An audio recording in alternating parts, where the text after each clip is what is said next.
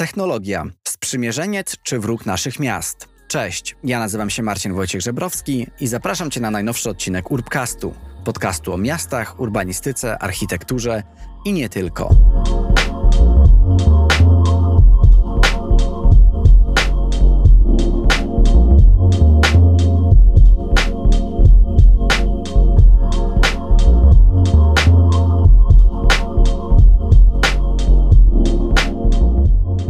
Kilka razy próbowałam nagrywać ten wstęp do najnowszego odcinka, ponieważ no, sytuacja na świecie, a szczególnie sytuacja tuż przy polskiej granicy w Ukrainie jest straszna. To, co się dzieje, jest dla mnie zupełnie niezrozumiałe, czemu do takich rzeczy w XXI wieku wciąż musi dochodzić. Natomiast jestem też jednocześnie bardzo dumny z naszego społeczeństwa, z Polek, z Polaków, że jesteśmy w stanie wykazać się tak niesamowitą jednością i pomagać tym, którzy są w potrzebie. Zastanawiałem się długo, jak w ogóle zrobić, jak nagrać ten wstęp do tego odcinka, no bo to, co dzieje się obecnie w Ukrainie, jest, no, brak mi słów nawet na to, jak to mogę określić. Staram się pomagać jak mogę, ale też e, cały czas kontynuuję nagrywanie tego podcastu. No i nie chcę nagrywać odcinka stricte o wojnie w Ukrainie. Nie uważam, żebym miał do tego jakikolwiek mandat, wiedzę i myślę, że to nie jest odpowiedni moment na to. Natomiast dzisiaj porozmawiamy o technologii, bo technologia jednak jest czymś, co ma mocny wpływ na nasze życie, na nasze miasta. No i także w kontekście tych obecnych wydarzeń no, gra jedną z kluczowych ról, tak? Słyszeliśmy o tym, jak technologię w ramach właśnie tej wojny można wykorzystać w sposób pozytywny i negatywny ale wydaje mi się, że wszystko jakby sprowadza się do tego, że technologia ma przeogromną moc oddziaływania. Dlatego też do dzisiejszego odcinka zaprosiłem Tomka Bioka, żebyśmy mogli porozmawiać o tym, co jest takim jego mm, konikiem, tak? Bo Tomek wykłada nowe technologie na Wydziale Architektury Politechniki Śląskiej. Jest także podcasterem i twórcą podcastu Technologia w architekturze, a także architektem, programistą, fotografem e, czy przedsiębiorcą. I Tomka poznałem właśnie dzięki e, jego podcastowi w którym przybliża takie zagadnienia związane z technologią ze swoimi gośćmi, dotyczącymi przede wszystkim właśnie tego wykorzystania technologii w, w architekturze. I zainspirowało mnie to do tego, żebyśmy porozmawiali o tym styku technologii z miastami, o tym, jak technologia i miasta się przeplatają, jakie są płaszczyzny, na których te koncepcje mogą się zazębiać, a jakie, na których mogą walczyć, tak? I wydaje mi się, że bardzo ważne jest to, żebyśmy porozmawiali o tym, jak technologia wpływa na nasze życie, jak je zmienia. Czy są to tylko zmiany pozytywne, czy negatywne? Warto podkreślić to, co mówi Tomek w naszej rozmowie wielokrotnie, że technologia to jest pewne narzędzie i to od nas zależy, czy wykorzystamy je pozytywnie, czy negatywnie. Poruszyliśmy wiele ciekawych tematów związanych również z tematyką Smart City, czyli co sprawia, że miasta jest, są smart, ale także jak uniknąć um, takiego smart washingu. I mówiąc to, nie mam na myśli pralki, jakiejś inteligentnej pralki, tylko jak, jak sprawić, żebyśmy nie wykorzystywali tej koncepcji smart czy technologii do jakichś takich po prostu pustych sloganów i do zwiększania wartości projektów, które nie ciągną za sobą tej jakości tak, i ulepszenia naszego życia wpływ technologii na miasto myślę, że jest czymś kluczowym. No i z jednej strony myślę, że jest wiele korzyści, no ale z drugiej też zastanawiam się, jak możemy sprawić, żeby miasta wciąż w pewnym stopniu były tworzone oddolnie za pomocą właśnie takiego miękkiego sposobu, w cudzysłowie, tak? Czyli na zasadzie takich relacji społecznych i tego, że to te relacje kształtują naszą przestrzeń. Wystarczy chyba już tego wstępu. Zapraszam Was na najnowszy odcinek Urbcastu.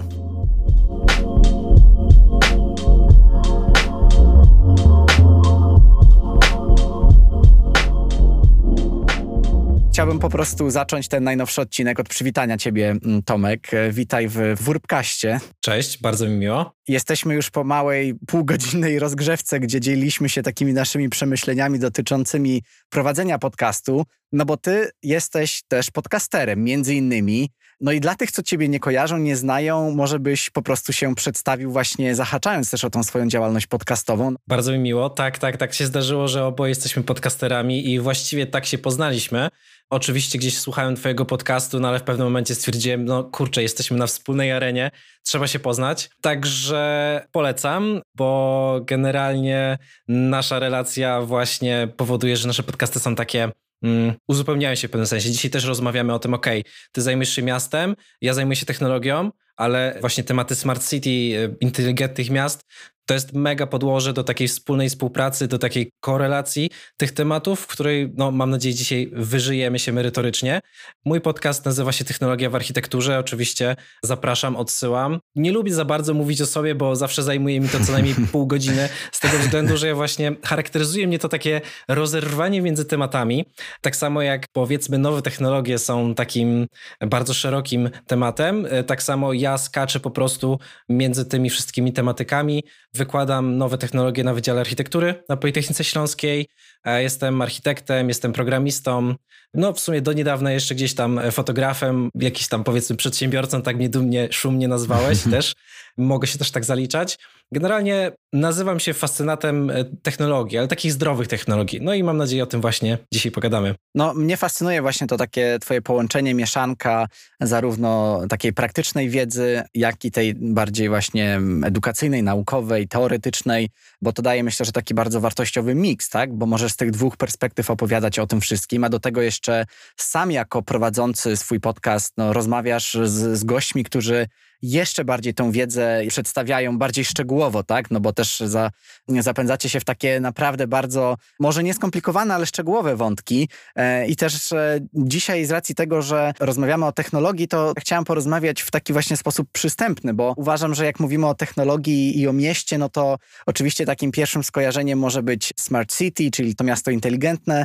Powiedz mi, jeśli w ogóle mówimy o takiej technologii na styku właśnie z architekturą, czy szerzej z urbanistyką, z miastem, to w ogóle od czego my powinniśmy zacząć? Wiesz co, wydaje mi się, że od zdefiniowania, bo tak naprawdę często używamy określenia technologia, ale de facto czym jest technologia? Mhm. Technologia wytwarzania cegły to też jest technologia. Natomiast raczej nie mamy tutaj na myśli właśnie tego typu technologii produkcyjnej, więc bardziej gdybyśmy nie używali skrótu myślowego, używalibyśmy określenia na przykład nowych technologii cyfrowych albo wysokich technologii, czyli tak zwanego high-tech, tam dla architektów może być jakby znany ten kierunek, który też był swego czasu bardzo popularny, jako high-tech, właśnie wykorzystywanie, pokazywanie tych wszystkich jakby elementów wysokotechnologicznych w tym designerskim stylu. Natomiast wydaje mi się, że ta technologia może być sprowadzona do tego, że kiedy ją definiujemy, to faktycznie definiujemy ją jako przedłużenie naszych możliwości. Czyli niekoniecznie musimy rozmawiać tutaj o tym, z czym są nowe technologie, czym jest technologia wytwarzania cegły. My możemy tutaj rozmawiać o pewnych rozwiązaniach, które pojawiają się na rynku i pozwalają nam wprowadzić coś, co jest właśnie smart. I tutaj płynnie przechodzimy do tego, czym de facto jest smart i od razu zdradzę, pewnie o tym jeszcze pogadamy, ale e, smart tak. w naszym przekonaniu jest raczej czymś sprytnym, czymś cwanym, czymś e, zwinnym, a niekoniecznie mega zaawansowaną technologią, chociażby opartą o sztuczną inteligencję. Czyli rzeczywiście e, dobrze, żebyśmy zaczęli od tego wyjaśnienia zarówno pojęcia technologii, jak i, jak i pojęcia smart. Jeśli już przy tym jesteśmy, no bo wydaje mi się, że jednak no, nie unikniemy tego, żeby w kontekście miast rozmawiać o, o tych miastach smart, tak, czyli o tych miastach powiedzmy inteligentnych. Natomiast tak jak mówisz, technologia to, czy przede wszystkim bycie smart, to nie tylko bycie niesamowicie zaawansowanym technologicznie, ale to też bardziej bycie sprytnym. Czy w takim razie miasta, które są smart, to są miasta, które muszą koniecznie inwestować w tą technologię? Czy da się być miastem smart, które w ogóle w tą technologię nie inwestuje? Zadałeś bardzo ciekawe pytanie. Myślę, że siłą rzeczy musimy patrzeć e, na rozwój technologiczny przez pryzmat tego, że jest nieunikniony. I tutaj nie mam wątpliwości, że tak, te miasta muszą inwestować w nowe technologie, jeśli chcą po prostu nadążać i chcą się rozwijać oddzieliłbym to od tej tematyki, czy to jest właśnie mm, bycie smart, czy nie. Bo owszem, można być smart nie używając technologii, ale wtedy to miasto siłą rzeczy zacznie odstawać. No powiedzmy, będzie to po prostu miejscowość mm, pokroju wsi, która ma swój urząd miasta i tam od 10 lat nic się nie zmieniło. Więc raczej to nie jest kierunek pożądany. Natomiast bardzo myślę, takim ważnym elementem, e, o który zakrawa Twoje pytanie, to podział, który bardzo lubię przytaczać, mówiąc o właśnie Smart City. Mhm. Podział zainicjowany jest przez e, Boyda Cohena i dzieli miasta na Smart City 1.0, 2.0 i 3.0. I takie Smart City 1.0 to jest miasto, w którym to firmy technologiczne przychodzą, narzucają nową technologię, wciskają samorządowcom, te systemy się ze sobą w ogóle nie łączą, po prostu bezmyślnie, biurokratycznie przeszły takie technologie, są zaaplikowane i po pięciu latach w ogóle nikt już tego nie używa i jest to na przykład niekompatybilne. Smart City 2.0 jest to już taka wyższa ingerencja samorządów, którzy mają tą władzę sprawczą i one już szukają. Czyli rozumiem, mamy jakiś problem potencjalny, dajmy na to optymalizowanie krzyżówek i, i, świateł drogowych w mieście. No i mamy taki problem. I teraz znajdujemy firmę, która będzie w stanie na przykład przeanalizować ruch drogowy. No, ostatnio właśnie prowadziłem rozmowę z członkiem zarządu firmy Janosik, czyli jakby takiej aplikacji do której używamy jeżdżąc samochodem. No i właśnie to jest jedna z takich firm, która taką usługę prowadzi po prostu dla samorządu. Samorząd przychodzi, kupuje od nich dane lub analizę tych danych, optymalizuje tą przestrzeń, no i tyle. I jakby optymalizuje po prostu ruch e, w mieście, czyli poprawia życie mieszkańców. Mhm. I to jest właśnie Smart City 2.0. Tutaj pojawia się też takie pojęcie, że jest bardzo duże ryzyko technokratyzmu, czyli właśnie monopolu, władzy, firm technologicznych i takich rzeczy. Natomiast Smart City 3.0 przede wszystkim różni się tym, że są już to miasta obywatelskie, czyli miasta inteligentne, obywatelskie, gdzie to ludzie decydują, jakie mają problemy, a samorządy, bardziej ich rola jest taka, żeby, jakby to powiedzieć, stworzyć przestrzeń do właśnie do działania, do tworzenia, do wspólnych inicjatyw i podejmowania tych wszystkich jakby inicjatyw strukturalnych, gdzie ludzie po prostu razem się spotykają, ustalamy taki mamy problem, tak go możemy rozwiązać, zbieramy pieniądze na to, no i wdrażamy faktycznie rozwiązanie naszej problemu. Więc wracając do Twojego pytania, Smart City owszem może mieć masę sprytnych rozwiązań, natomiast ten skok technologiczny po prostu zwyczajnie nie pozwala na to, żeby miasta mogły być obecnie niesmart. A czy uważasz, że jest jakiś taki etap końcowy, do którego wszyscy dążymy? No bo jak się pomyśli o przyszłości, a zresztą już ludzie kiedyś myśleli o tym kilkadziesiąt lat temu, że w latach dwutysięcznych będziemy mieli latające samochody i podniebne autostrady. No i to było dążenie do właśnie jakiegoś takiego postępu technologicznego. Jak tak rozmawiamy o tych wszystkich różnych etapach, tak, o tych wszystkich generacjach miast inteligentnych, no to przychodzi mi takie pytanie na myśl, czy jest jakiś taki właśnie etap końcowy, jakieś na przykład miasto Smart City 10, 10.0, w którym to właśnie te wspomniane samochody, czy chociażby drony będą nam dowoziły jakiekolwiek paczki i inne rzeczy. Chodzi mi właśnie o to, czy jest jakiś taki etap końcowy tego, tego postępu technologicznego, jeśli chodzi o, o miasta. Wiesz co, wydaje mi się, że nie, z tego względu, że mm, kiedy mamy tutaj rozwój technologiczny, to on chcąc, nie chcąc, będzie generował nowe problemy. Mhm. Nie wiem, na ile będziesz chciał porozmawiać o niebezpieczeństwach technologicznych, natomiast to jest ten moment, w którym, okej, okay, coś wdrażamy, ale nawet jeśli zostanie zaspokojona jakaś taka potrzeba, rozwiązany jakiś problem optymalizacyjny na przykład w mieście, to pojawi się nowy problem i on będzie albo innego rzędu, albo powstanie z nowego wdrożenia. Rozwiążemy mhm. problem, ale powstanie cała rzesza innych. Na przykład boimy się, że sztuczna inteligencja w pewnym momencie nas zaatakuje, na przykład, chociażby, no nie? I te obawy się nie skończą. Było wiele filmów na ten temat, prawda, że to roboty nas zaatakują, więc na pewno chciałbym porozmawiać o tych niebezpieczeństwach e, niebawem. Tak, wiesz co, no to jest ogólnie bardzo szkodliwe, futurystyczne podejście, bo oczywiście to się świetnie sprzedaje, to jest super science fiction, natomiast ludzie w dużej mierze boją się tych sztucznej inteligencji, po prostu nie rozumieją, jak ona działa. No zapewniam, że nie grozi nam to w najbliższym czasie.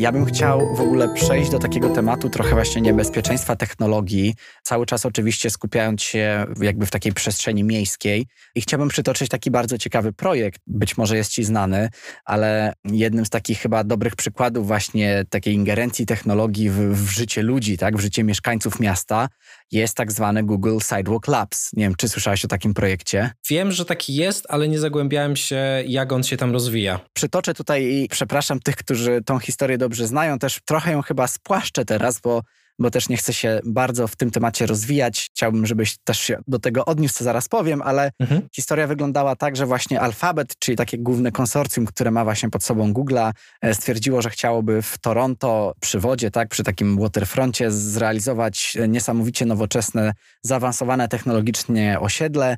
Na którym to byłyby właśnie kamery, które by mierzyły jakby całą jakby jakość tego życia, tak? Czyli monitorowałyby to, jak ludzie żyją, no i dzięki temu zbierałyby mnóstwo danych i na bazie tych danych mogliby to życie tego społeczeństwa mieszkającego w tym jakby na tym obszarze optymalizować i polepszać. I koniec końców e, z tego projektu nic nie wyszło. Tego, co czytałem, problemy były też zgoła prywatne, tak? E, jedna z osób, która odpowiadała za ten projekt e, musiała ustąpić, ale koniec końców jakby były też, było też dużo sprzeciwu wobec tego projektu. I tutaj się zastanawiam, czy no bo z jednej strony można by pomyśleć, kurczę, super, jak mogę mieszkać w takim osiedlu, gdzie wszystko jest dla mnie optymalizowane, jeszcze kamera mierzy mi temperaturę ciała i jak coś mi się będzie działo, to jeszcze mi mnie ostrzeże i w domu mi się pojawi wiadomość, uważaj na siebie, masz podwyższoną temperaturę, zamówiliśmy ci lekarstwa. Z jednej strony to się wydaje takie efektywne, pomocne, a ludzie przecież są leniwi, więc chcieliby, żeby ta technologia im pomagała. No ale właśnie, z drugiej strony do tego projektu nie doszło. Czy myślisz, że my jesteśmy gotowi właśnie na aż tak dużą ingerencję technologii? Wiesz co, to jest bardzo ciekawe pytanie, bo to jest bardzo zbieżne z tematem mojego doktoratu. W sensie ja zajmuję się mhm. predykcją komfortu, więc mniej więcej czymś takim, tak, żeby przewidzieć komfort, potrzebujemy bardzo dużej ilości danych. I w tym momencie stoimy trochę w takim mm, problematycznym miejscu, bo Miasta zbierają ogromne ilości danych, których my jako architekci nie potrafimy przetwarzać. Mhm. Do tego te dane często są nieustrukturyzowane i niekoniecznie sprawdzają to, co mogłoby nas interesować. Mhm. I trzecia kwestia, skąd brać dane, które nas faktycznie interesują? Bo te dane zazwyczaj są właśnie wrażliwe. Wrażliwość jest tutaj wielopoziomowa i oczywiście może to być na przykład kamera, która nas śledzi, a może to być zegarek, który bada nam puls. Wiesz co, mm, czy my jesteśmy gotowi? Na pewno, jeśli nie przekroczymy kolejnej bariery i granicy, nie zaczniemy ludzi z tym oswajać, to po prostu ta granica się nie przesunie. Tak jak powiedziałem wcześniej o tej jakby sztucznej inteligencji, która nas zaatakuje, to ten strach bierze się tak naprawdę nie z tego, że jest takie realne ryzyko, tylko z tego, jak ludzie postrzegają rozwój technologiczny. My y, naturalnie, jakby psychologowie jasno to podkreślają, że boimy się rzeczy, których zgoła nie rozumiemy. Więc jeśli my nie wiemy, jak te technologie działają, no to się tego boimy. Mhm. To jest dość oczywiste. Osoby, które są, zajmują się nowymi technologiami, są programistami, są futurologami i tak dalej, no to jakby nie mają zbytnich gdzieś tam obaw, żeby na przykład e, instalować jakieś aplikacje, mieć Facebooka i tam jakieś informacje, bo my zwyczajnie wiemy, co się z tymi danymi dzieje i no akceptujemy to, no nie? Jakby mm, zauważ, nie wiem, czy zwracasz na to uwagę, ale kiedy słyszymy informacje lub rozmawiamy ze znajomymi na temat włamów na konta bankowe na przykład mhm. I, i właśnie tego, że ktoś może nam zhakować telefon i wejść na konto bankowe, to zazwyczaj najgłośniejsze w tych rozmowach są osoby, które albo nic na tych kontach nie mają, albo w jakiś sposób nie są atrakcyjni dla tych hakerów. No jakby nie oszukujmy się, ja jestem takim szaraczkiem, którego nikt by nie chciał zhakować, bo zbyt duże konsekwencje prawne i zbyt duża trudność, żeby to zrobić, więc bardziej takie osoby jak my są naciągane na, na właśnie właśnie te całe metody na wnuczka i tak dalej, czyli takie bardziej analogowe, bym powiedział, niż na faktycznie, że jakaś aplikacja, haker przejdzie przez aplikację i tak dalej. Dlaczego? No bo to jest nielegalne, więc konsekwencje są zbyt duże.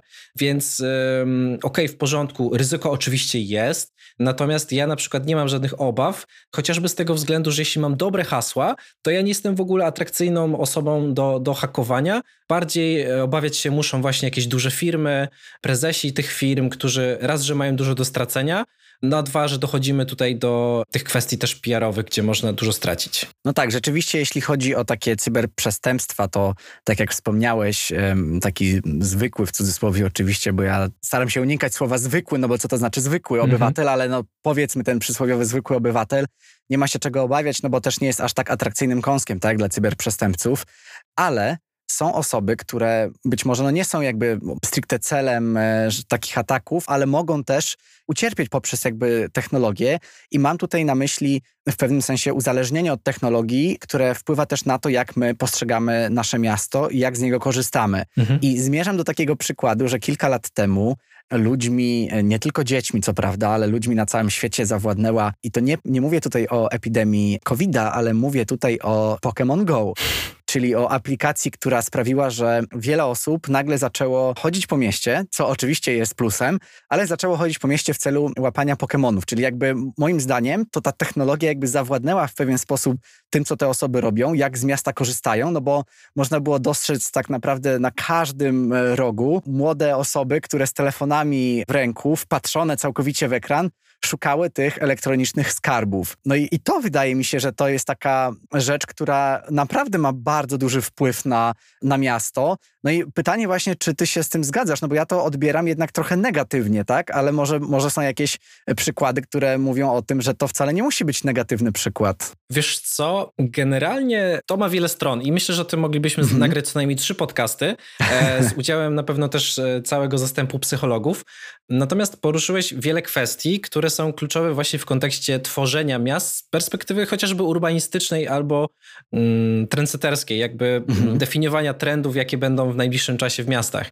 Po pierwsze, uzależnienie od technologii, ale takie uzależnienie nie nałogowe, tylko nasza niezależność analogowa, gdzie pojawiają się nowe problemy, jak na przykład wykluczenie cyfrowe, czyli osoby starsze, które nie potrafią się obsługiwać gdzieś tam tymi technologicznymi nowinkami. Do tego mamy tutaj blackouty, czyli ryzyko, że w pewnym momencie, nie wiem, zabraknie prądu, w cudzysłowie upraszczając. No i wtedy jak istnieje na przykład zagrożenie życia, bo systemy padają, jesteśmy zamknięci w własnym smart home'ie i masę jakichś takich właśnie rzeczy, gdzie nasze uzależnienie od technologii może się okazać dla nas szkodliwe, niebezpieczne, a nawet może zagrażać naszemu życiu. Więc tutaj jak najbardziej jest takie ryzyko, musimy uważać, żeby dobrze to zrównoważyć. Pokémon Go ja trochę nazywam anomalią miejską, ponieważ mhm. faktycznie zmieniła sposób, w jaki ludzie korzystają. I gdybym ja na przykład chciał zbierać dane o jakimś miejscu i na przykład w fali przypływu tego Pokémon Go, ja bym analizował jakiś skwer, który należałoby przeprojektować, żeby właśnie na podstawie tych danych zobaczyć, jak ludzie podróżują, to te dane byłyby strasznie po prostu zanieczyszczone, Aha. bo ci ludzie właśnie no, postępują wbrew logice, tak? Więc ja bym nie był w stanie przeanalizować tych danych. Więc oczywiście to jest ryzyko, ale znowu są mechanizmy, które to wykorzystują. Jest świetny mechanizm e, marketingowy i mam nadzieję, że też nagram niedługo o nim podcast, ponieważ mam osobę, która zrobiła z tego doktorat, mianowicie e, z grywalizacji w architekturze. Mhm. Grywalizacja e, to takie bardzo fajne zjawisko właśnie marketingowe, które ma na celu wprowadzić nas w świat gier gry wywołują w nas różne emocje, angażują i tak dalej, i okazuje się, że można to zaaplikować bezpośrednio do architektury czy urbanistyki. Co to oznacza? Że nasze miasta mogą stać się atrakcyjne, bo mogą być zwyczajnie dla nas grą. Tak jak mamy na przykład gry miejskie. Tylko, że żeby stać się uczestnikiem gry miejskiej, trzeba faktycznie przyjść na jakieś miejsce, dostać jakąś kartkę, biegać po tym mieście. Natomiast są takie rzeczy, które pozwalają nam bardziej interaktywnie korzystać z miasta. Nie wiem, czy trochę nie uprzedzam faktów, natomiast Kacper Radziszewski i e, firma Designbotik, chociaż nie wiem, czy to jest pod firmą, czy to jest po prostu działania Kacpra, natomiast pracują teraz nad, o ile się nie mylę, Greencoinem, czyli taką jakby walutą, gdzie ludzie będą w mieście dostawać właśnie pieniądze, czyli te green coiny, za to, że podejmą jakąś aktywność proekologiczną. Aha. No i na przykład chodząc powiedzmy po mieście, ja to sobie wyobrażam, bo tu już sobie dopowiadam, ja nie znam szczegółów, powiedzmy wyrzucę jakieś śmieci do odpowiedniego pojemnika, które leżały gdzieś tam w lesie, no i dostanę za to na przykład tam 5 green coinów, które będę mógł na przykład wykorzystać, nie wiem, jak pójdę do kina, czy w jakiejś innej takiej miejskiej aktywności. I to jest właśnie tego typu grywalizacja i to jest ten dobry kierunek, czyli okej, okay, Pokémon Go jest trochę taką anomalią, no nazwę to tak, będę się tego trzymał. No tak. Ale można to wykorzystać, ten mechanizm psychologiczny właśnie do tego, żebyśmy z tych miast korzystali w sposób bardziej mhm. właśnie przewidywalny, ale tak jak korzystając z potencjału właśnie miejsca, niekoniecznie przeciw, bo nie oszukujmy się, ale osoby, które mhm. grały w Pokémony, nie były zbytnio zainteresowane przestrzenią miejską, tylko tym Charizardem, który siedział w rogu. Tak, tak, dokładnie. To wiem od, od znajomych, sam za bardzo nie grałem, ale wiem jak duży był to fenomen i, i też czytałem na ten temat wiele artykułów, bo to było niesamowicie ciekawe zjawisko też do badania, tak? I, i tak jak mówisz, że to była pewna anomalia, to to jeszcze bardziej e, jakby sprawia, że to jest niesamowicie ciekawe do tego, żeby to na różne sposoby obserwować, badać, pisać o tym, czy nawet właśnie robić na ten temat jakieś badania. I ja też nie przytoczyłem tego Pokémon Go tak z niczego, no bo to dla mnie jest przynajmniej właśnie taki świetny przykład tego, jak nasza technologia totalnie wpływa na to, jak, jak korzystamy z miasta.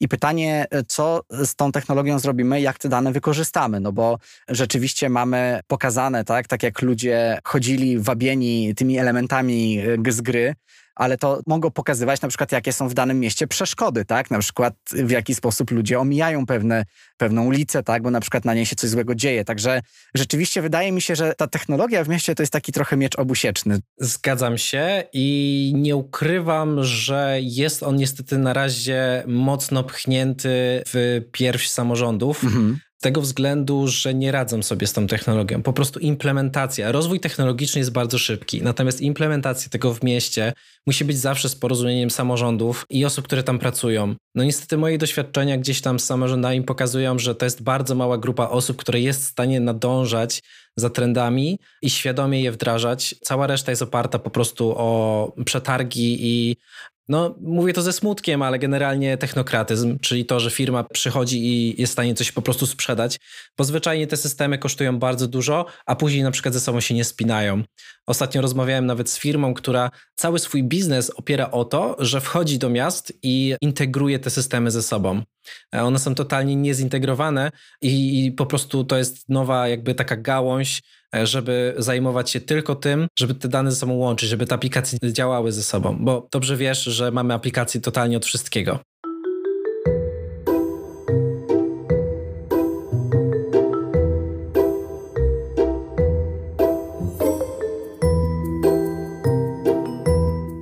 Chciałbym porozmawiać o takiej łatce, którą może mieć technologia i szczególnie w kontekście smart, no bo Rozmawialiśmy tu też już trochę wcześniej o tym, jak ważne jest to, żeby miasto było smart z takiego względu PR-owego przede wszystkim, tak? Że to, co ma przy sobie smart, no od razu sprzedaje się drożej. To, co ma smart, no od razu jakby w naszej też percepcji e, jest postrzegane jako coś wartego uwagi, tak? I to można zacząć od, nawet od smartfonów przez smart home po smart cities i i zastanawiam się, czy ty właśnie zastanawiałeś się nad tym wcześniej, czy mógłbyś się też podzielić takim swoim przemyśleniem, jak moglibyśmy uniknąć w, w naszych czasach tego smartwashingu, czyli tego, że wszystko z dopiskiem smart po prostu sprzedaje się lepiej lub drożej. W ogóle strasznie podoba mi się to określenie, jakby pierwszy raz je słyszę i na pewno będę go używał. Smart washing. Trochę brzmi jak smart pralka, natomiast myślę, że to jest bardzo dobra analogia. Smart pralka, czyli właśnie tworzenie czasami problemów, które niekoniecznie są problemami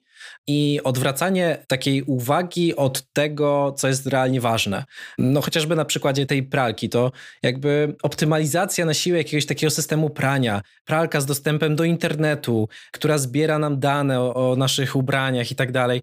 Jakby oczywiście można, można operować też ją z aplikacji w telefonie, ale zaczynamy generować problemy, które nie istnieją, natomiast które są bardzo fajne marketingowo.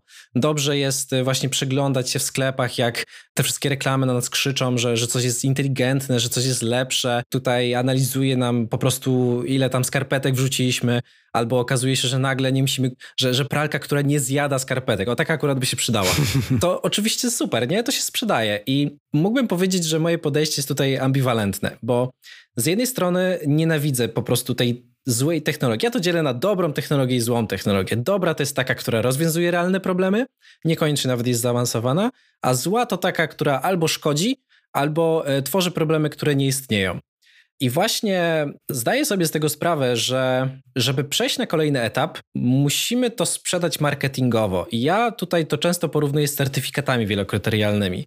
Czyli mamy budynki i nadajemy im różne certyfikaty. Te certyfikaty są czysto PR-owe. Tam dochodzi do różnych absurdów, natomiast one powodują, że inwestorzy faktycznie zaczynają się interesować, żeby podnieść jakby na przykład ceny wynajmu, to oni zdobywają taki certyfikat wielokryterialny, który daje jakby gwarancję tego, że tam jest ekologicznie, że jest dostęp do światła, że spełnia jakieś tam pewne standardy itp. itd.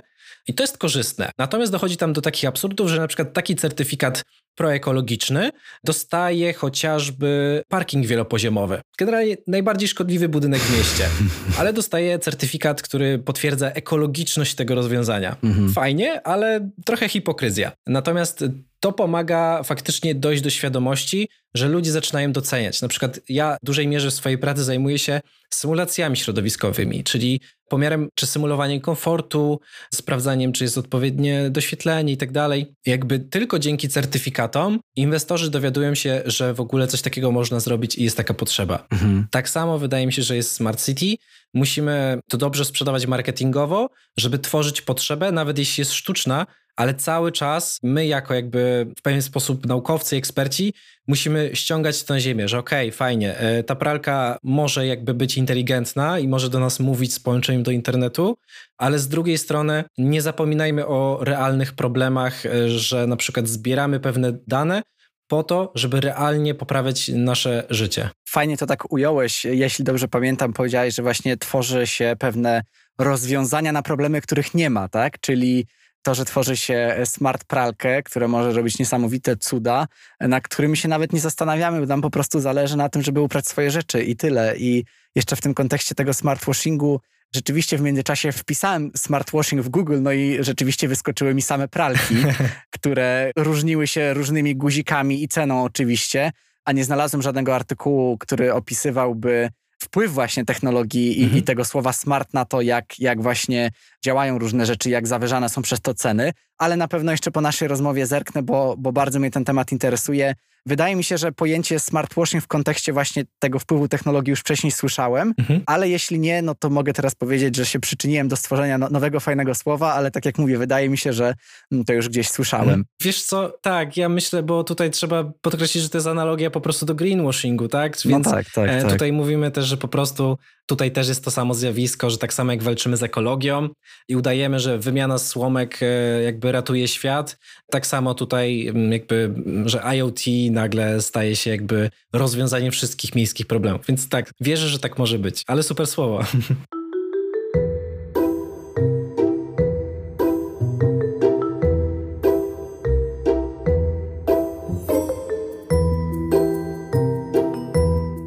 żeby sobie tak trochę to podsumować, żeby spróbować odpowiedzieć na, na, na, właśnie na to pytanie, jak ta technologia wpływa na, na nasze miasto, to chciałbym to przedstawić w taki sposób, że my z jednej strony jesteśmy jakby w stanie zebrać ogromne ilości danych, tak jak już wspominaliśmy, na, na różne sposoby no i wykorzystywać je też w projektowaniu naszych miast. No i jest to w pewnym sensie takie błogosławieństwo. Mam nadzieję, że będziemy mogli używać tego coraz częściej i na coraz bardziej zaawansowany sposób. Ale z drugiej strony, technologia może nas w jakiś sposób zniewolić. I zastanawiam się, co się stanie, jeśli ta technologia właśnie w pewnym sensie się przyczyni do tego, że my zaczniemy być bardzo ograniczeni w tym, jak myślimy o mieście, przestaniemy być kreatywni, no i to zastopuje taki oddolny, miękki rozwój miasta, taki oparty na relacjach. Wiesz co, jest obiegowy cytat, e, który krąży ja uważam, że jest cudowny i fajnie odnosi się do tej sytuacji. Technology is the answer, but what was the question? I to jest, wydaje mi się, taki podstawowy problem, że bardzo często patrzymy na tę technologię jako na rozwiązanie wszystkich problemów. Tylko my nie wiemy, jakie było pytanie. Nie, nie zadajemy sobie pytania, jakie mamy realne potrzeby i po co my tej technologii używamy. Muszę się tutaj jednocześnie z Tobą i zgodzić, i nie zgodzić, ponieważ zależy, z kim będziesz rozmawiał. I jeśli ktoś patrzy, tak jak wcześniej wprowadziłem taki podział, dla mnie to jest mój personalny podział, na pewno jakby nie jest w żaden sposób potwierdzony gdzieś tam naukowo, ale ja po prostu sobie mówię, że technologia jest zdrowa i niezdrowa, dobra i zła. Takie uproszczenie, które pomaga mi myśleć o technologii jako o przedłużeniu moich rąk. Używam technologii mhm. nie po to, żeby ona mnie zastąpiła, tylko używam technologii po to, żeby to, co robię, było wydajniejsze, żeby życie stało się przyjemniejsze, szybsze, mieć więcej czasu dla rodziny, dla własnych przyjemności. I wydaje mi się, że tak samo powinno być z architektami, urbanistami, osoby, które kreują przestrzeń. Że użycie technologii, jak na przykład Spacemaker, to jest jakby ideologia Spacemakera, oprogramowanie, które ma nam zaprojektować jakiś, powiedzmy, układ przestrzenny, urbanistyczny. Mhm. I ma to zrobić, że my wprowadzamy ewentualnie jakieś parametry, on to robi, akceptujemy, tyle. Natomiast dla mnie kluczową rolą w projektowaniu i użyciu technologii do projektowania, na przykład symulacyjnej, jest możliwość wprowadzenia danych, skonfrontowania tego z moim doświadczeniem, no i później rozwijania tego właśnie w taki sposób miękki. Czyli używam tej technologii dokładnie w miejscu, w którym jest to potrzebne. Przykład, jeśli chodzi o projektowanie, to mamy tutaj działkę, chcemy na nim postawić wieżowiec. I to jest też przykład bardzo biznesowy, bo oczywiście jakby podłoże technologiczne musi być mocno biznesowe. Mhm. No i na tej działce, stawiając wieżowiec, chcemy go ustawić w taki sposób, żeby zmaksymalizować e, liczbę mieszkań z widokiem na park, który jest po drugiej stronie, bo dookoła z trzech pozostałych stron mamy inne wieżowce. No i teraz możemy odpalić algorytm, który będzie przeliczał nam ilość właśnie okien z widokiem no, nieprzesłoniętym innym wieżowcem plus z widokiem na park. No i dostajemy po tam powiedzmy, nie wiem, 5 minutach takiej symulacji dokładną informację o tym, jaki procent z okien ma ten widok. Co wpływa na, po pierwsze jest zdrowe dla miasta, tak? Czyli to jest takie dobre projektowanie, no bo maksymalizujemy komfort użytkowników. Po drugie jest bardzo dobre dla inwestora, bo oczywiście, no pewnie sprzeda te mieszkania drożej. No i po trzecie jest też w jakiś sposób dobre dla miasta. No, nie chcemy budować jakby takich e, konstruktów, które no, zapewniają dyskomfort, tak? Jakby to też buduje jakieś tam PR dzielnicy chociażby. Mhm. To jest właśnie ten sposób, który pozwala na ten miękki rozwój. Natomiast jeśli zaczynamy zastępować naszą pracę, to staje się tutaj już problematyczne, bo te rozwiązania są. Ja zawsze to opisuję na przykładzie komfortu, bo komfort jest czymś subiektywnym i wielokryterialnym. Jeśli mhm, zaczniesz tak. patrzeć na komfort, na przykład wizualny, ilości światła w pomieszczeniu, to zrobisz tak, że przeszklisz na przykład całą elewację. I to jest Twój jakby zapewnienie maksymalnej ilości światła, i to jest powiedzmy przyjemne. Ale komfort ekonomiczny i komfort termiczny spada, no bo jakby masz duże straty ciepła, w lecie jest przegrzewanie ogrzewanie, robisz tam szklarnię i tak dalej, jest to bardzo, bardzo problematyczne. No i teraz taka decyzja oparta o tylko i wyłącznie jeden współczynnik ilości światła powoduje, że ty czujesz dyskomfort w innych elementach. Mhm. No i to jest obecnie nasz, nasz główny problem technologiczny i podejście do projektowania, że patrzymy zbyt wyrywkowo i nie jesteśmy w stanie stworzyć takich programów, które będą tak komplementarnie patrzeć chociażby na te wszystkie aspekty komfortu, mhm. no i tworzyć coś, co jest jakby komfortowe. Aha, jeszcze dorzucę tylko, że jest druga strona tego wszystkiego, że tak jak wcześniej powiedziałem, że no samorządy jeszcze trochę tego jakby nie ogarniają, jest taki aspekt otwierania danych, czyli my na razie w ogóle nie mamy dostępu do tych danych w ogóle miejskich i tutaj trochę będzie jakby jeszcze rola samorządów, żeby ten rozwój faktycznie mógł być miękki, ale zaawansowany technologicznie. Na pewno open data to jest duży temat, natomiast pozwól, że omówimy go, mam nadzieję, może w kolejnym odcinku, bo rzeczywiście to jest temat sam w sobie bardzo, bardzo duży o też bardzo dużym znaczeniu. Ja trochę nawiążę do tej całej twojej wypowiedzi. Myślę, że cytatem tego odcinka będzie właśnie ten twój przytoczony cytat, czyli że technology is the answer, but what was the question? Bo to bardzo często, myślę, właśnie pokazuje to, w jaki sposób o tym wszystkim myślimy. Wydaje mi się, że, że w tym odcinku bardzo dobrze udało nam się porozmawiać o tym, jak ta technologia wpływa na nasze miasto, ale myślę, że nie udało nam się odpowiedzieć, czy ona jest dobra, czy zła, bo tak naprawdę prawda pewnie jak zawsze leży gdzieś po środku i, i trudno mówić o, o takim czarno-białym podejściu. I tutaj jeszcze mm, dołączę do tego, bo jak mówiłeś o tym takim tworzeniu miękkim miasta, ale też poprzez wykorzystanie technologii, to mi się z kolei przypomniała książka Dawida Sima pod tytułem Soft City, to było przetłumaczone na polskie jako miasto życzliwe. Dawid Sim reprezentuje Gel Architects, czyli taką bardzo znaną duńską pracownię, która współpracuje właśnie zawsze z mieszkańcami, ale też coraz częściej wykorzystuje w tym wszystkim technologię, czyli jakieś zbieranie danych, także poprzez różne narzędzia w internecie. I wydaje mi się, że to jest właśnie takie dobre połączenie, że można robić to i to i oczywiście raz korzystać bardziej z tej technologii, raz z tej bardziej może takiej oddolnej miękkości. I właśnie podoba mi się jak w tej książce Dawid Sim przytacza, że są takie dwa pojęcia, że z jednej strony mamy to smart city, a z drugiej strony jest takie dump city, czyli takie miasto głupie, tempe, które jest takim trochę przeciwstawieniem tego miasta bardzo napchanego technologią ale koniec końców to się wszystko gdzieś tam spotyka po środku, tak? Czyli mamy tą technologię, która współżyje z takimi ludzkimi relacjami, z takim bardzo przyziemnym ludzkim postrzeganiem tego naszego miasta. I wydaje mi się, że to warto podkreślić, że to jest temat skomplikowany. Bardzo skomplikowany. Ja bym tutaj nawet powiedział, że technologia dobra jest wtedy, kiedy rozwiązuje realny problem i nie niesie ze sobą więcej komplikacji i trudności niż przyniosła jakby korzyści. Dlatego mm, technologia powinna być dawkowana na tyle, na ile jesteśmy w ogóle w stanie ją znieść, żeby mhm. też nie wykluczyć na przykład społeczeństwa cyfrowo. Więc ja myślę, że to jest kosmicznie trudny temat, ale jednocześnie mam nadzieję, że udało nam się pokazać, że rozwiązaniem tego konfliktu, czy technologia jest dobra, czy zła, czy roboty zapanują nad naszymi miastami i życiem i światem, czy nie, jest to, że dopiero kiedy zaczniemy się jej uczyć, przestanie nam być obca, wtedy mhm. zrozumiemy faktycznie realnie te problemy, będziemy w stanie je dobrze implementować i też nie będziemy się godzić na to, żeby w naszych miastach ktoś implementował rozwiązania, które są bez sensu, są technokratyczne, albo czasem inwigilacyjne, bo no nie oszukujmy się, jakby te firmy w jakiś sposób tworzą te rozwiązania często nie po to, żeby rozwiązać realny problem, ale żeby na przykład pozyskać jakieś dane. Nie wiem, czy będziemy rozmawiać jeszcze o polecanych książkach, filmach, ale na pewno chciałbym tutaj się odnieść do tego bardzo głośnego w ostatnich latach afery z Facebookiem, z Cambridge Analytica, gdzie faktycznie za pomocą takich niby błahych danych, które udostępniamy na Facebooku, można zmanipulować wybory. Można osadzić kogoś na, na szczycie jakiegoś na przykład państwa, tylko na podstawie na przykład danych na Facebooku. Kolejna bardzo duża rzecz, także na pewno warto byłoby o tym porozmawiać, ale tak jak wspomniałeś, bardzo mm, ważne jest to, żeby się uczyć. No i uczyć można się często poprzez czytanie i dlatego płynnie chciałbym przejść do tego mojego ostatniego pytania, czyli tak chciałbym cię właśnie poprosić o polecenie, czy to książki, czy artykułu, który w idealnym przypadku byłby jakimś nawiązaniem do tego tematu naszej rozmowy. Bardzo długo się nad tym zastanawiałem, wiedząc, że mnie o to zapytasz i stwierdziłem, że stworzę taki podział na optymistyczną część i pesymistyczną część. Doskonale.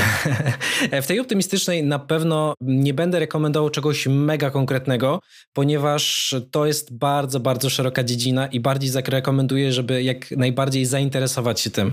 Mam też takie personalne przekonanie, że powoli każdy z nas powinien uczyć się programować. Nie chodzi tutaj, żeby każdy był programistą, tylko żeby każdy potraktował programowanie jak taki kolejny język prawdopodobnie drugi po angielskim i patrzył na to, żeby po prostu zrozumieć. Programowanie, nauka programowania otwiera bardzo głowę, bo pozwala zrozumieć, jak te technologie działają, w jaki sposób są konstruowane. No i na przykład zrozumieć, że sztuczna inteligencja, która obecnie jest rozwijana, to ona wcale nie jest na poziomie takim, że ona teraz decyduje, czy nas unicestwić, czy nie, tylko jest na poziomie po prostu rozwiązywania prostego telefonu, na przykład na pizzerię i zamówienie pizzy. No jakby pizzą nas, może w nas zrzucać, ale podejrzewam, że generalnie nie zaszkodzi naszym, e, naszemu istnieniu.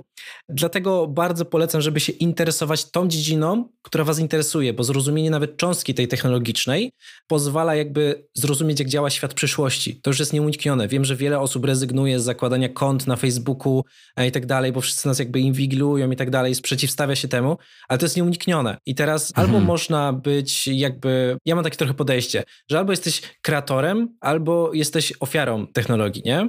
I teraz według mnie każdy powinien być w jakiś sposób kreatorem. Nie, że ma tworzyć nowe technologie, ale że ma wykorzystać piękne polskie słowo pipeline, czyli tworzyć sobie połączenia technologiczne, żeby rozwiązywać swoje własne problemy. I im lepiej znamy tą technologię, tym łatwiej. Ja na przykład wyjeżdżając na wakacje, napisałem sobie sam program, który mi szuka tanich mm. lotów. No i żyje mi się lepiej, no nie? Jakby, okej, okay, dla mnie to jest proste, bo jakby umiem programować, więc sam sobie to stworzę.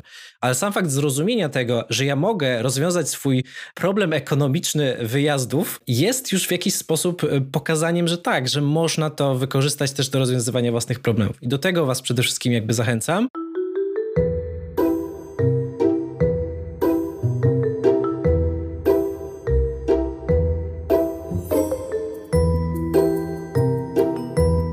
Boję się tej teraz negatywnej części, bo rzeczywiście wspominając teraz o tej takiej potrzebie, czy takiej przydatności programowania i zrozumienia tego przede wszystkim, to nawet mnie rzeczywiście zachęciłeś do tego. Tak pomyślałem sobie, a okay. kurczę, rzeczywiście, to może e, zaraz sprawdzę jakiś kurs, czy trochę więcej o tym poczytam. I tak rzeczywiście pokazałeś, że ta technologia może nam jakoś pomóc i że można ją fajnie przeskalować też na poziom miasta. Dlatego już się trochę boję, co powiesz w tej negatywnej części. Mhm. To pozwól, że jeszcze tylko dodam, że nawet jeśli ktoś nie czuje potrzeby tego, żeby być właśnie tym kreatorem tej technologii, to jest tego tak dużo, że wcale nie trzeba nawet w, w cokolwiek wchodzić, bo to jest y, studnia mhm. bez dna.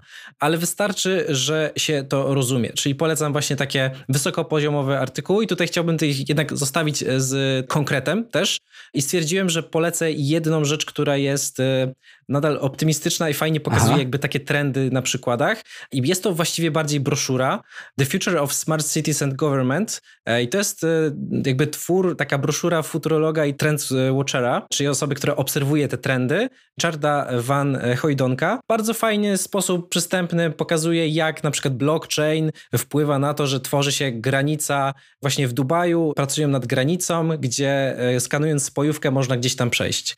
No i to jest na podstawie właśnie blockchainu, który jest bardziej wydajny i bezpieczny w stosunku na przykład do paszportów. No bo paszport łatwo podrobić, spojówki już niekoniecznie i tak dalej, i tak dalej. Tam są bardzo fajne przykłady, to ma chyba z 15 stron i jest darmowo oczywiście.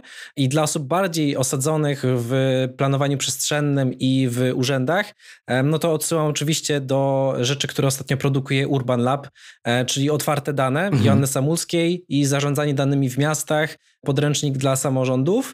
To są bardzo nowe twory i gdzieś tam Urban Lab to jest dobre miejsce, żeby się właśnie uczyć o otwartych danych.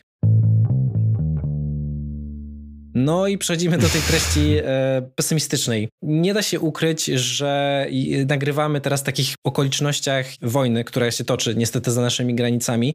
Niestety z perspektywy technologii należy podkreślić, że to, co dzieje się jakby teraz głośno, medialnie, to nie są najgorsze rzeczy, jakie dzieją się teraz na świecie. Niestety technologię wykorzystuje się do strasznych rzeczy. Wiemy, że mamy mnóstwo manipulacji, wiemy, że mamy mnóstwo więźniów politycznych. Mamy sądy, w których dowodem na przykład niepodważalne może być jakieś zdjęcie.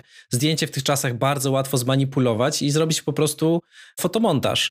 I często przykładem może być właśnie wykorzystanie technologii do tego, żeby kogoś na przykład skazać na dożywocie. I niestety to się dzieje i o ile medialnie wojna, która się toczy, taka analogowa, jest straszna, jest głośna, to jest o tyle prostsza, że my wiemy, że jeśli rakieta leci z punktu A do B, to wiemy, jaki jest punkt A, jaki jest B i kto ją wypuścił. Natomiast w technologii, w cyberprzestrzeni to nie jest takie proste i klarowne. Dzieją się równie złe rzeczy, niestety, z drugiej strony, bardzo często one nigdy nie wyjdą, bo ta dobra strona nie ma narzędzi do tego, żeby jakby eliminować właśnie mhm. te problemy.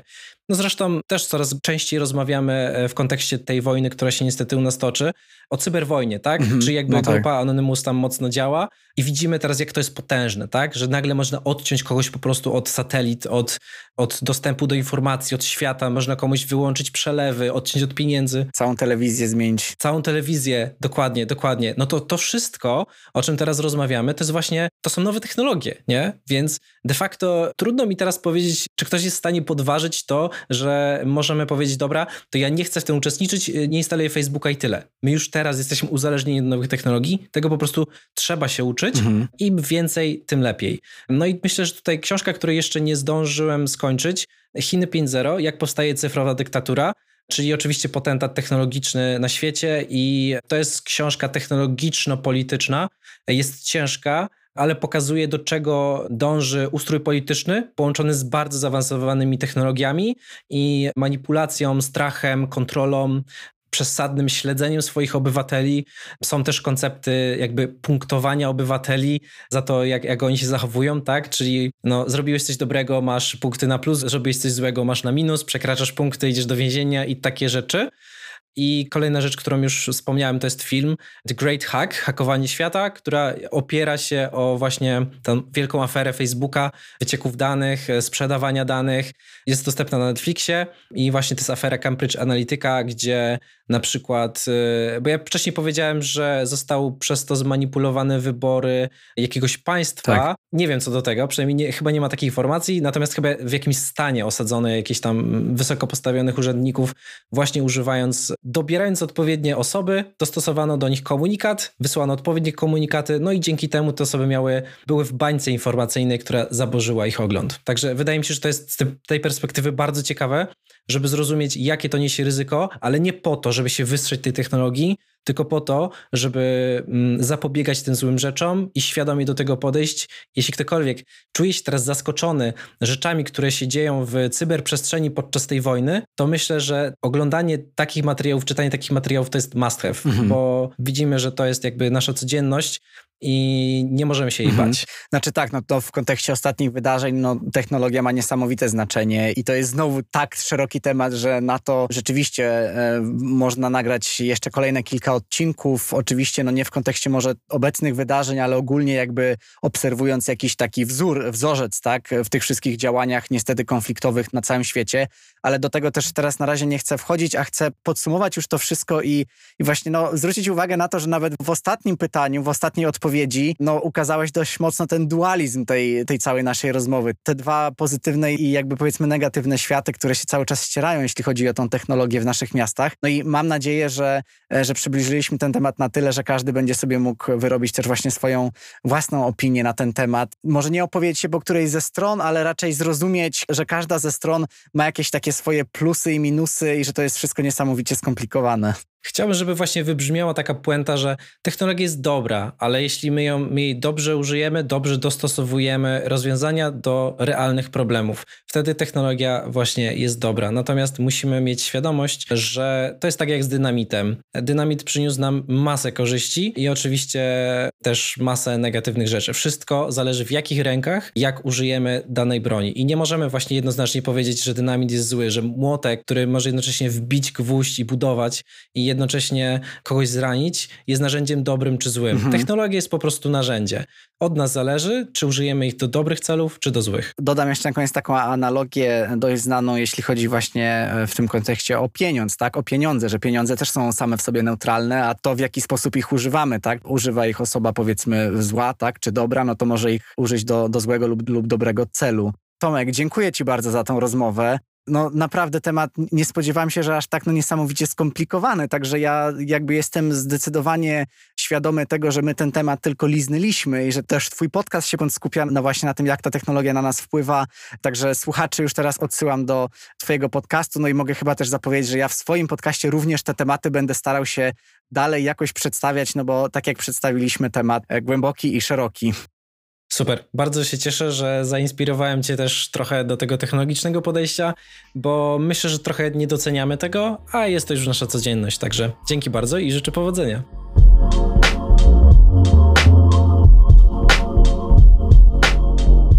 Dzięki wielkie za wysłuchanie najnowszego odcinka podcastu.